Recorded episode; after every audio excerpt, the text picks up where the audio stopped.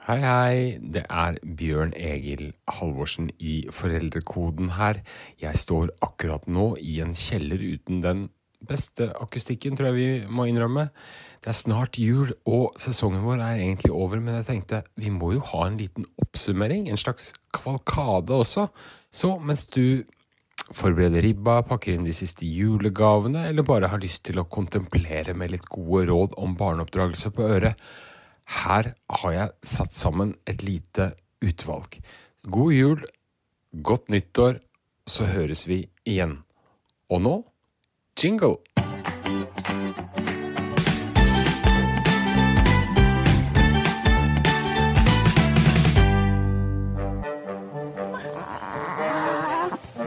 Ja, man får, man får testa seg, da. Man får skikkelig testa. Eh, hvor, mye man tåler. En gang var du enerådende i eget liv. Så kom en kjæreste. Fortsatt ganske sjef. Så kom et barn, og alt ble forandra. Så kom det en til, og enda en. Hvem er du egentlig nå? En undersått? En slave? Du er iallfall en sliter. Man skjønner jo før man får barn at det er slitsomt å ha barn. Men jeg tror ikke helt man skjønner hva det vil si å bli frarøvet søvnen over så lang tid. To voksne, tre barn, og alle vil bli hørt. Hvor kompisen min får gå med joggesko på vinteren, hvorfor får ikke jeg? Hvorfor må jeg gå med stillongs? Hvem er egentlig den nye flokkens leder? Det er eh, til tider ekstremsport å ha, ha barn. Hva gjør man hvis man synes at man er i ferd med å hva skal man si da, miste kontrollen eh, over eh, sjefsrollen i hjemmet, da, for å si det sånn? Altså for det første så tror jeg at du skal være klar over at den viktigste oppgaven du har som forelder, er jo å lede barna gjennom årene som kommer, slik at de lærer seg det de trenger å kunne for å kunne flytte hjemmefra og klare seg på et eller annet tidspunkt. De trenger noen som, eh, som tar ansvar, som hjelper dem med ting de ikke får til. Som eh, viser hvordan ting skal gjøres. altså Som rett og slett tar den der den gode lederrollen. Men akkurat som ingen liker å ha en bøllete sjef, så, liker, så er det ikke bra for barn å ha en autoritær forelder heller.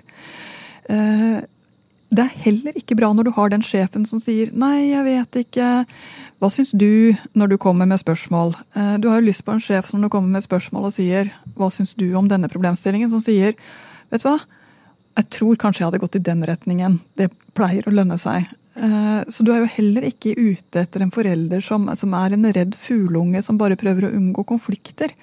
Du vil jo ha noen som er litt tydelig.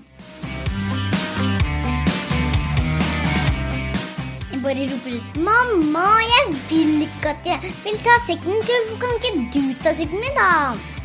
Og så roper jeg bare høyt. Nesten å være sånn Å bare gå vekk fra mammaen sin og ikke ha en mamma, nesten. At du blir så sint? Ja.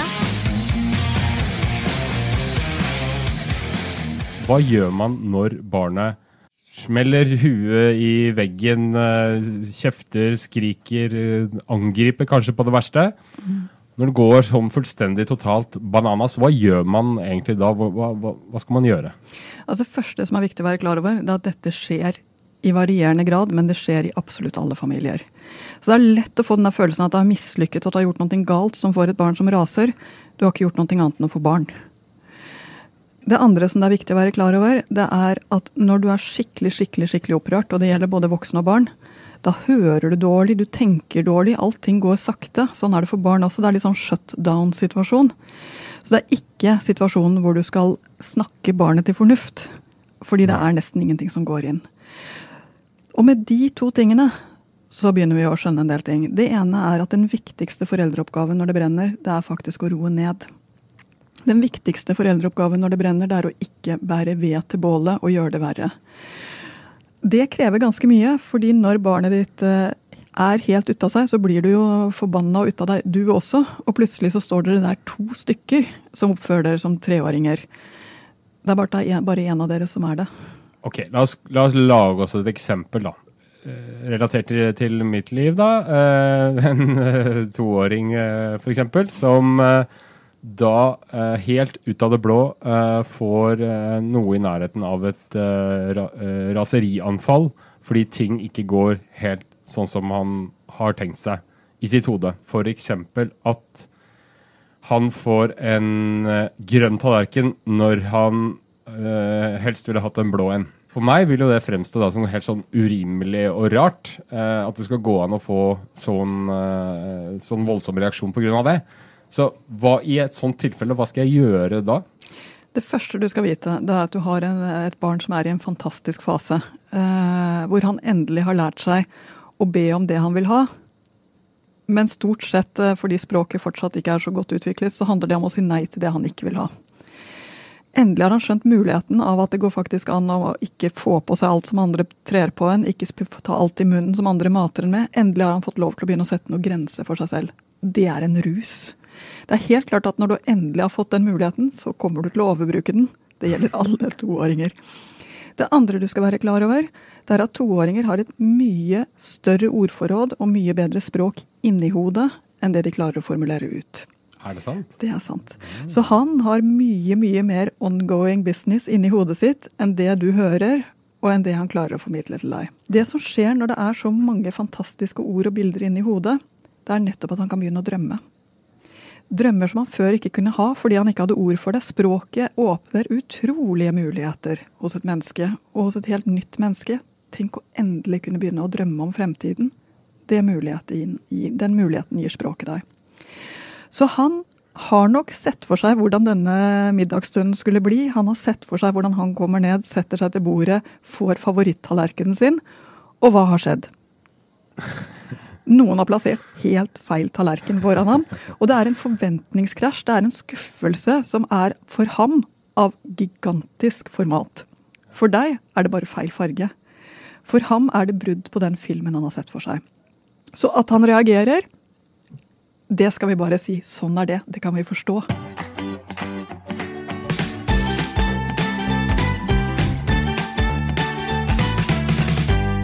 Hvorfor er det ikke lov å si at barna er flinke? Og skal jeg si at jeg ikke, ikke si at det ikke er lov, eh, men det er en grunn til at det å bruke flink som standardros fungerer veldig dårlig. Og det henger omtrent slik sammen. Hvordan vi håndterer motgang er en av de viktigste tingene for hvordan vi får det med oss selv her i livet. Hvordan vi håndterer at eh, vi ikke får det til på en prøve, at vi ikke får en jobb, at vi eh, prøver eh, At vi ikke får lov til å være med noen hjem som vi har lyst til å være med hjem. Altså Alle disse tingene som er litt vanskelig. Hvordan vi håndterer det, har mye å si for hvordan vi har det med oss selv. Og her kommer dette flink inn, som er litt lurete. Fordi hvis jeg sier at det å være flink er viktig, så sier jeg at det motsatte er farlig. Og det jeg vil, det er at barn og voksne skal prøve igjen, strekke seg, ha lyst til noen ting. Jeg er ikke så opptatt av det ene de får til. Det jeg er opptatt av, det er både at de prøver å få til, og hva de gjør for ting når de ikke får til. At de prøver igjen når de ikke får til. Hvis du gir barna en idé om at du er flink, så vil de helt automatisk bli redde for ikke å være flink. Og når de blir redde for ikke å være flinke, så vil det holde dem tilbake. Det vil gjøre at de ikke prøver ting som de kanskje ellers hadde strukket seg etter. De vil være redde for at din vurdering når de ikke er flinke, er du er dårlig. Og det er det verste vi mennesker kan oppleve. Så det gjør at flink Det er ikke det at du aldri skal si det, men det er ikke den ideen vi vil gi barna om livet. Vi vil ikke gi dem flink dårlig-opplevelsen. Vi vil gi dem wow, fikk du til det også-opplevelsen. Men eh, alle, og det gjelder vel både barn og voksne, vil ha anerkjennelse. Altså alle vil bli sett, alle vil ha en klapp på skulderen, alle vil få likes på Facebook. Eh, og når voksne og folk i alle aldre i og for seg er sånn innretta, hvorfor kan ikke barna også få en liten sånn Ja, du er flink. Jo, men de kan få en klapp på skulderen. Det er bare det at unngå dette her som lager en, en idé om at det å være flink er viktig, og dermed det å være dårlig er dårlig.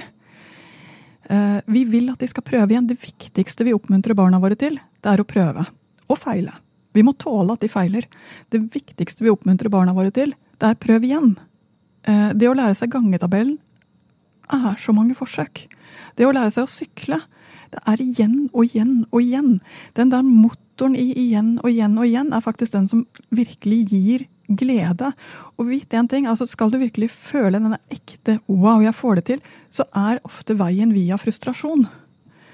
Eh, når du virkelig har prøvd på noen ting, og du har stått fast, og du har kjent at det knaker i deg, og så går det. Det er kanskje av de, et av de vakreste øyeblikkene både for voksne og for barn. Vi vil at barna skal forbi frustrasjonen. Vi vil at de skal holde ut i det der som gjør litt vondt. Og da er igjen ikke flink den gode oppmuntringen. Når du står der og er frustrert og virkelig prøver å få til noen ting, og du, å, du gjør alt du kan, og så kommer noen og sier 'Å, så flink du er'. Det eneste som blir klart for deg, er at den personen skjønner ingenting av deg, og skjønner ingenting av hva du står i. Og det er også et problem med flink. ikke sant? Der hvor de trenger som mest oppmuntring, så fungerer ikke flink i det hele tatt.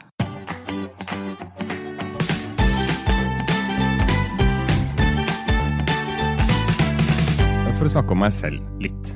Eh, fordi jeg i voksen alder så driver jeg konstant med sånn tilbakeskuende selvransakelse. Jeg var en ganske sånn forsiktig, beskjeden gutt. Jeg tror ikke jeg hadde verdens beste selvfølelse heller. Eh, det kan jeg ikke ha hatt. Eh, og litt fordi at jeg kanskje var litt tjukk. Eh, hvordan var det med deg? Kan jeg spørre om det? Uh, ja, altså Det er et godt spørsmål. Jeg var et veldig merkelig barn på så mange måter, uh, tenker jeg når jeg ser tilbake. Og litt rotløst barn på så mange måter. Uh, vi flyttet mye. Jeg ser jo åpenbart rar ut. altså hvor, hvor, bra kan det gå med deg når du er sjeløyd, tynn som en strek og har overbitt? men svaret på det er at det kan jo gå ganske bra. Uh, og det er det som er så fascinerende. Det handler faktisk ingenting om disse ytre tingene. Det handler om relasjoner. Ingen vil ha usikre barn. Så hvordan helt konkret gir og øker man barnas selvfølelse? Altså for å, for, å, ta det overordnede først. Selvfølelse handler om kontakt. Og vil si at det er dette båndet mellom barn og voksen vi jobber med. Både i de viktigste voksenrelasjonene hjemme og i de viktigste voksenrelasjonene ute. Uh, det båndet består av tre deler. Det ene er at barnet må være trygge på at det finnes et sted å gå for trøst når livet blir vanskelig. Den andre delen er at barnet trenger å føle at han eller hun hører til. Det finnes en gjeng som jeg er med i, rett og slett. Det finnes et oss. Eh, og den tredje delen er at noen forstår og tåler mine følelser. Noen kan være med meg i mine sterke følelser. Og det går an å leve med de følelsene. Så det er å vite at man har et sikkerhetsnett, da? Ja, på mange måter er det å kjenne den der kontakten. Mm. Den finnes der med meg. Og med toåringen så er det veldig mye av denne kontakten handler om uendelige mengder med trøst. Eh, for en toåring er det mye å trøste for. Uh, og det handler også om å sakte, men sikkert bygge den bitte lille flokken som familien er. At man gjør ting sammen, at man spiser ting sammen, at man liksom har sine greier. Det er det du i stor grad gjør med toåringen. Og når de har utbruddene sine, som de har, så skal du skjønne at toåringens utbrudd kommer noe sted fra. Følelsene deres er veldig ekte, og de trenger hjelp til å håndtere dem. Enkelt nivå på toåringen. På syvåringen så begynner dette å bli mer komplisert. Og det begynner også å handle om å vri oppmerksomheten ut fra ikke bare hjemmet, men også verden der ute. Begynne å lete etter de stedene Jeg tenker av og til på dette som et slags telt, hvor familien er teltstangen i midten. Og så er det teltplugger der ute som man begynner å slå ned i skolealder. At de finner noe aktivitet de liker, et miljø de føler seg vel i. At de får til ting på skolen. At de får eh, en kontakt med læreren som funker. Alt dette er teltplugger der ute. Og som forelder skal du faktisk være oppmerksom når du får barna opp i skolealder, at du skal være med også på å hjelpe til å slå ned de pluggene der ute. Samtidig som du skal holde på teltstangen, holde på tryggheten hjemme. Ja, og Hvordan hjelper man eh, med, til med disse teltpluggene, da? Uh, F.eks. ved å tenke hva slags barn er du, hva kan du tenkes å har lyst til å drive med? Hvor kan du tenkes å føle deg hjemme? Introdusere for uh, aktiviteter som virker ok for ditt barn. Når du ser at, det, at du tok feil, gi deg. Uh, og se hva kan det være for noe annet. Og ikke dytte videre, da? Nei. Uh, det er de som skal finne sine teltplugger. Du skal bare være til hjelp, og du kan ikke bestemme hvor de pluggene skal stå. Eh, og også fortsette å helt tydelig trøste barna når de kommer hjem og har opplevd noe vanskelig. Vise at dere fortsatt er en familie som gjør ting sammen. Eh, skjønne at det går an å bli lei seg for andre ting som sjuåring enn det du blir som voksen. Men at det fortsatt er helt ekte.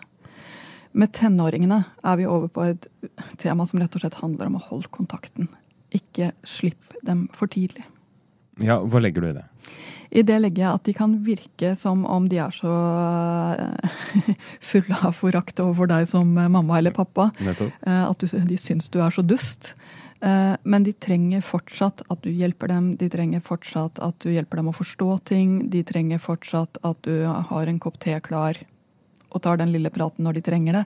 Altså, de trenger deg fortsatt. Mm. Så får du heller akseptere å være litt dustete. Men hvis man merker at man kanskje fra tidlig alder allerede har et engstelig, usikkert, forsiktig barn, hvordan skal man da snu det? For jeg regner med at noen barn kan av natur være mer usikre, eh, engstelige enn andre.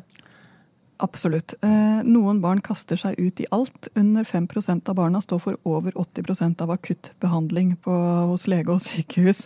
Så har man et barn som kaster seg ut på alt uten frykt, så har man jo en håndfull, og det vet man ganske tidlig.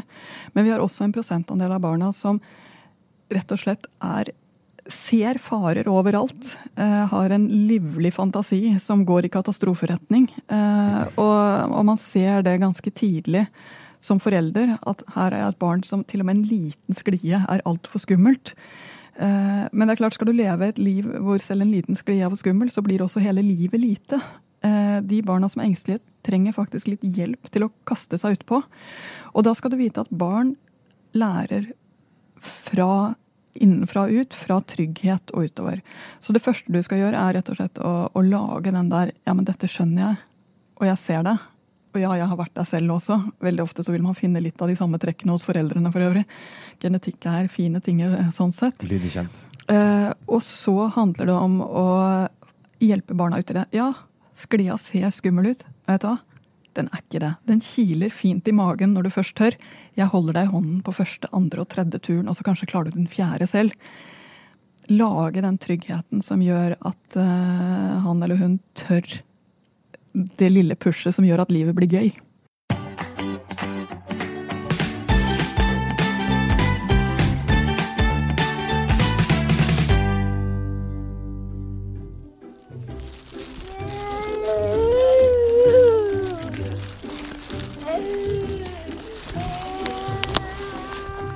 Barn har ofte ikke ord for hvordan de har det. De har ikke ord for å be om det de trenger. Og da er det følelsene de tyr til. Så i lange perioder så er følelsene barnas mest effektive og faktisk eneste måte de har å kommunisere på, spesielt når ting er vanskelig. Et barn som eh, kjenner at det er fryser på føttene, som to og et halvt-åring vil ikke si 'nå er jeg skikkelig kald på føttene', det kjennes ordentlig, ordentlig guffent ut. De vil begynne å sutre eller gråte istedenfor. Og en eh, tiåring som mistrives på skolen, eh, ikke føler seg med, ikke kjenner at her fungerer ting, eh, vil ikke si åh, det er så vanskelig å gå på denne skolen, ikke kan jeg slutte, jeg er nødt til å gå hit hver eneste dag, jeg føler egentlig ikke at jeg har så mye til felles med de andre. Det er mer sannsynlig at hun begynner å sutre, slepe med beina, syns det er vanskelig å komme seg på skolen, allting blir et ork. Altså følelsene prøver å si noen ting. Og så er spørsmålet er det effektiv eller ikke kommunikasjon. Ja, det kommer jo an på om den blir hørt eller ikke. Men det er veldig kort vei til den ta deg sammen uh, når, når et barn sutrer. Er Hvordan skal vi egentlig håndtere det? Det Du skal bare være klar over at nå skjer det et eller annet. Altså Det første du skal gjøre når, når barna begynner å gråte eller sutre, og du får denne her, det er hva er dette? Altså At du tenker at her er det et eller annet som har skjedd som jeg ikke skjønner. Uh, så det første du skal gjøre, er rett og slett å tenke hva kan dette handle om? Vær litt detektiv, og spesielt med de små barna. Uh, og så får du vel gjøre en slags liten feilsøking, for ingen sutring er der uten grunn. Det er ingen barn som sutrer bare for å sutre. Det kan virke sånn, men sånn er det ikke. Et eller annet er det som har utløst denne sutringen. Det kan være en god grunn eller en dårlig grunn, men det vet jo ikke du. Så det første er rett og slett å, å, å være klar over at nå er det et eller annet som han prøver å si som jeg ikke helt får tak i. Bare det vil gjøre at du forholder deg annerledes til sutringen. Altså Man må bare stille Man begynner med et slags mildt avhør, da? eller? Nei, altså Avhør fungerer dårlig på alle aldersgrupper, så jeg vil jo ikke anbefale deg det.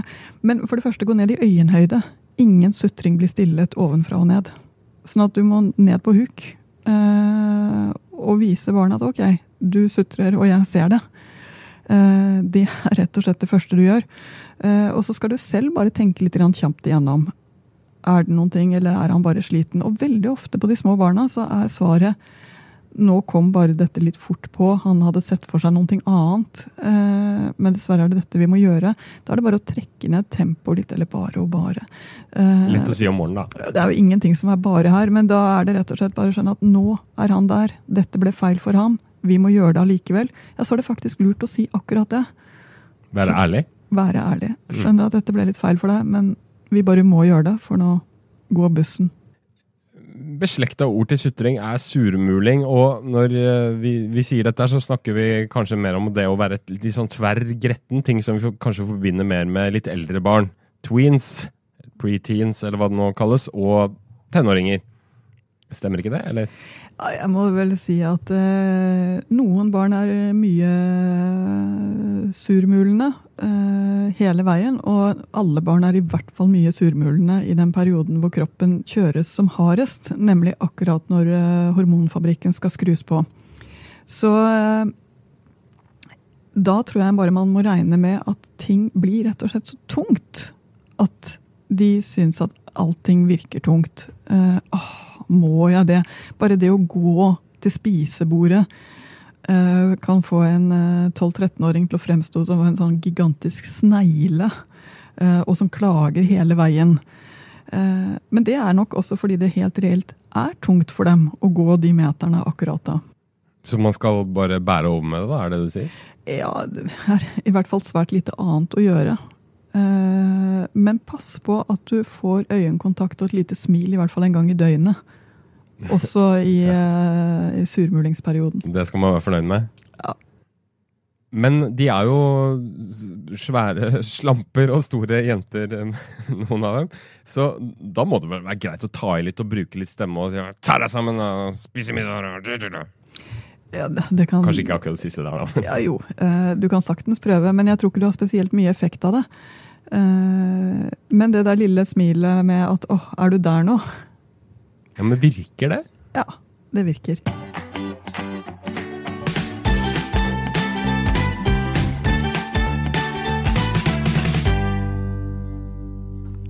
Så vil jeg bare Jeg hadde litt lyst til å ta med et spørsmål, um, eller egentlig et hjertesukk, som vi fikk eh, hos en eh, tenåringsmamma på i denne Facebook-gruppa vår. Hun skriver hvordan får vi den gode samtalen om sex og alkohol, om vennskap og skoleprestasjoner, søvn og kosthold og kjærestekrangling og konflikter med venner og oss foreldre. Det hun vel egentlig spør om, er hvordan når vi inn til dem? Altså Det pussige er at ungdom vil gjerne snakke, og de vil gjerne diskutere. Men for det første, ikke når du vil. Så når du har tenåringer i hus, så trenger du faktisk kvantitetstid mer enn kvalitetstid. Før har du kunnet bestemme litt grann når vi skal snakke sammen, og du har kunnet legge rammene for dette her. Nå er tilgjengelighet viktig. Så sørg for at du er tilgjengelig. Sørg for at du sitter der i sofaen med tekoppen. Sørg for at det liksom finnes en mulighet for, for ungdommene til å komme ut. Så snakker de også mye lettere i situasjoner som eh, egentlig er for noe annet. Typ når man gjør noe sammen, baker sammen, er på vei noe sted sammen, er ute og kjører sammen. Så det å ha noen slåtter som eh, egentlig er noe annet eh, Da går det an å høre hva de er opptatt av. De liker dårlig å bli snakket ned til. De liker dårlig å bli moralisert overfor. De liker dårlig at du er veldig, veldig bekymret. Og dette er skummelt, fordi ofte er du så bekymret. Gå og diskuter den bekymringen med noen annen som forteller deg det kommer til å gå fint. Mest sannsynlig. Når du har fått håndtert din egen bekymring, da kan du snakke på en ålreit måte med barnet ditt. Og så må jeg også si at du tror av og til når du sitter der med en tenåring, at alt du har lært barnet ditt, er blitt borte. Eh, Men det er ikke det. Det bare gjemmer seg. Og det kommer til å komme tilbake igjen. Det du har lært bort av høflighet, av ryddighet, av omsorg for andre, det ser ut som det er helt borte i tenåringen, men det er ikke borte. Det gjemmer seg litt, og det kommer gradvis tilbake igjen fra 16 år og utover.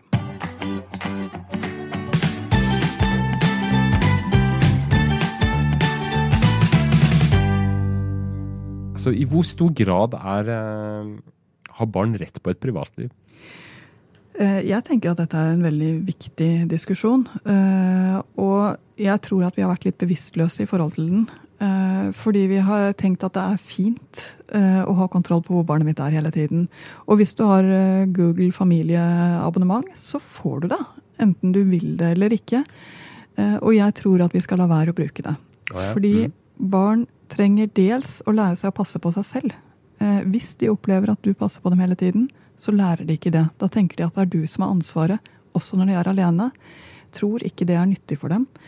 Eh, en annen ting er at de har sine små hemmeligheter av gode grunner. Kanskje de går en liten omvei fordi de er forelska og har lyst til å gå forbi huset til den gutten eller den jenta. Eh, kanskje de får det øyeblikket hvor de går og kjøper en type godteri som du ikke er så begeistret for dem, men som gir dem en enorm følelse av at jeg eh, har et godt liv og, og bestemmer litt selv. Eh, jeg tror at det å gi barna plass til den følelsen av at de har et eget liv, er viktig. Og spesielt når vi kommer opp i ungdomsalderen. Så må jeg si jeg har mange ungdommer jeg snakker med som beskriver sine foreldre som sjalu kjærester. Ja, Eh, De føler at foreldrene overvåker dem, hele tiden spør hva de er, hele tiden stiller spørsmålstegn ved det de gjør, hele tiden spør om de egentlig har gjort det de sier, holder det de sier opp mot bankutskrifter og eh, utskrifter av bevegelsesmønster fra telefonen. Eh, Og de føler De blir rett og slett helt lammet. De blir Mm. så Kontrollbehovet som eh, på en måte omslutter dem? ja, gjør at de føler at de ikke har noe eget liv, og det gjør at de føler at de blir mast på og dratt i absolutt hele tiden. Eh, Jeg tror de gjør to ting med dem. Det ene er at de får et mye dårligere forhold til foreldrene sine, fordi det er vanskelig å stole på noen som ikke stoler på deg.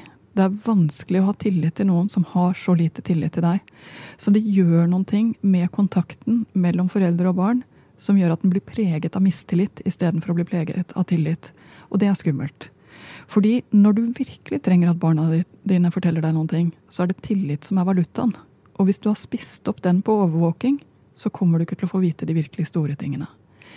Så det ene er rett og slett det, og det andre det er at føler barn seg overvåket, så blir de passifisert. De slutter å ta beslutninger selv, de slutter å stole på seg selv, de slutter å lete etter den tryggheten i seg selv, fordi de tror at den ligger et annet sted. Og når alt kommer til stykket, så er det å ha en trygghet i seg selv. Det er jo noe av det vi ønsker for barna våre når de flytter hjemmefra som 20-åringer. Og da må vi også gjennom disse ganske vanskelige årene som tenåringsårene er, hvor barn hører mer på jevnaldrende, søker mer mot jevnaldrende enn det de søker eh, voksne. Helt fra barna er to-tre år skal du være klar over at den lille selvstendigheten som vokser frem, er en kraft som kommer til å føre mye godt med seg. Og det å se det fine i selvstendigheten, ikke bare det truende i det, vil gjøre det mye lettere for deg å heie frem det barnet du får.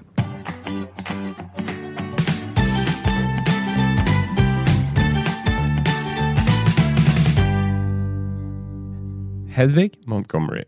Hvis du skal gi tre tips på tampen som en slags oppsummering som går ut til foreldre som syns det er litt vanskelig å få barna til å sove, hva er det?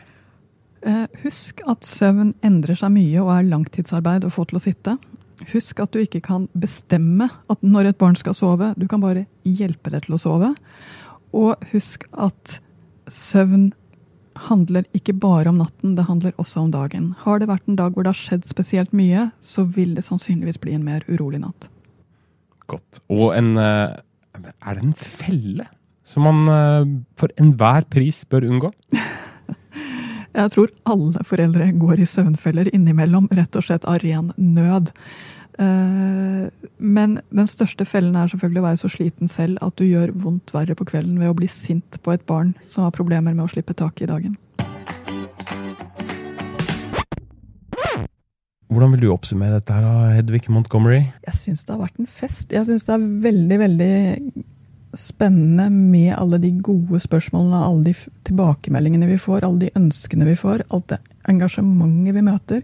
Fy fader, så mange fine foreldre det er som hører på Foreldrekoden, og så heldige vi er som får lov til å være sammen med dere. Helt enig. Og da tror jeg egentlig vi bare sier én, to, tre og, Takk for denne sesongen. og ha det bra!